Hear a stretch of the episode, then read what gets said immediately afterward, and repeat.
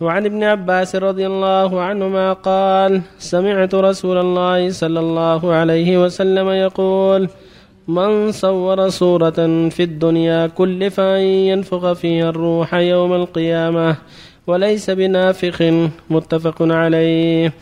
وعن ابن مسعود رضي الله عنه قال سمعت رسول الله صلى الله عليه وسلم يقول إن أشد الناس عذابا يوم القيامة المصورون متفق عليه وعن ابي هريره رضي الله عنه قال سمعت رسول الله صلى الله عليه وسلم يقول قال الله تعالى ومن اظلم ممن ذهب يخلق كخلقي فليخلقوا ذرة أو ليخلقوا حبة أو ليخلقوا شعيرة متفق عليه وبالله التوفيق صلى الله الحمد لله.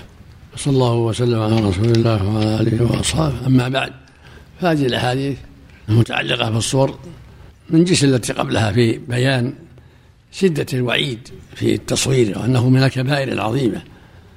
ولهذا قال عليه الصلاة والسلام من صور صورة في الدنيا كلف أن ينفخ فيها الروح يوم القيامة وليس بنافخ. يعني هو أعجز من أن ينفخ. وقال صلى الله عليه وسلم أشد الناس عذابا يوم القيامة المصورون. وقال عليه الصلاة والسلام يقول الله عز وجل ومن أظلم ممن ذهب يخلق أخي. يعني لا أحد أظلم منه. وهذا يفيد الوعيد الشديد. فالواجب على المؤمن أن يحذر هذه الجريمة وأن يحذر منها إخوانه وأن يتلف ما وجد من ذلك. لقوله صلى الله عليه وسلم لا تدع صورة إلا رمستها ولا قبرا مشرا إلا سويته ولعموم قول صلى الله عليه وسلم من رأى منكم منكرا فليغير بيده فإن لم يستطع بلسانه فإن لم يستطع بقلبه فذلك أضعف الإيمان. وهذا يعم الصور التي لها ظل المجسدة وهكذا الصور التي لا ظل لها بل تكون في الثوب والعمامة وفي الكتاب وفي الختم وفي غير ذلك مما هي تكون تابعة الأحاديث عامة. ومن ذلك ما تقدم في الصورة التي التي في القرام وهي من جنس الصورة التي تكون في القراطيس لأن القرام الصورة فيه تابعة كالصبر وهكذا ما يكون في البسط وما يكون في الوسائد كله محرم على أي وجه كان في وسادة أو بساط أو عمامة أو سراويل أو فنيلة أو عمامة أو غير ذلك مما يتعاطاه الناس كله لا يجوز.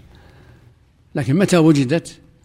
فإن كانت في منتهى سمح بامتهانها متى وجدت؟ التصوير لا يجوز مطلقا. لكن متى وجدت؟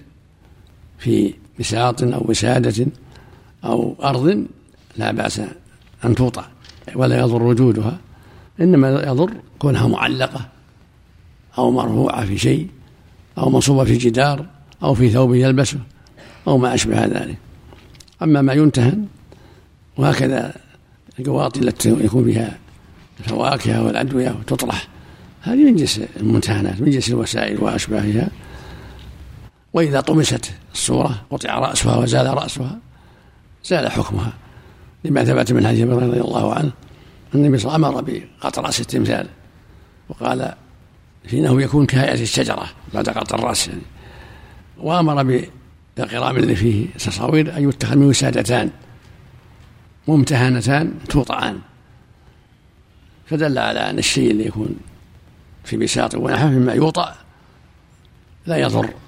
وإن كان صاحبه قد فعل محرم بالتصوير لكن وجودها في البساط ونحوه لا يمنع لأنها ممتهنة توطى ويجلس عليها بخلاف الصور إن أصلها التعظيم أصلها صورها المشركون لتعظيمها وعبادتها هذا أصلها.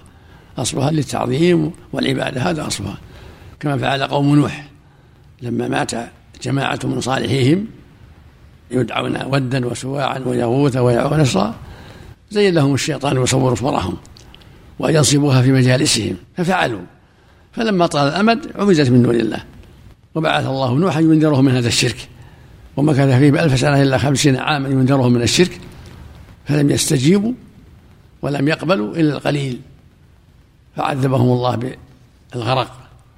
إلا من كان مع نوح في السفينة وذهب بعض أهل العلم إلى أن الصورة في الثوب ونحوه لا تدخل الوعيد. واحتجوا بحديث لا تدخل ما ليس فيه صورة ولا كلب إلا رقما في ثوب. قالوا قوله إلا رقما في ثوب يقتضي أنه يجوز التصوير في الثوب. وهذا خلاف ما عليه الجمهور والأئمة. فإن تقول إلا رقما في ثوب يعني إلا النقوش. النقوش ما تسمى صورة. الرقوم والنقوش ما ما ليس لها حكم الصور. والحديث عامة وقد أنكر النبي الصورة التي في القرام فدل على أن الحكم عام. يعم ما يكون في مجسد وما يكون في ثوب ونحوه. وفق الله الجميع. صلى الله عليك. من دعي إلى منزل ووجد فيه صورة أو كلب هل يجوز له أن يمتنع من الدخول؟ لا ينصحهم أول. وإذا رفضوا؟ فإذا يمتنع. من باب الوعيد. من باب الهجر. أحسن الله عليكم الصور التي تجعل للأطفال يا شيخ بعض الناس يتوسع في هذا. وأصبح الآن شيخ أفلام فيها صور يا شيخ.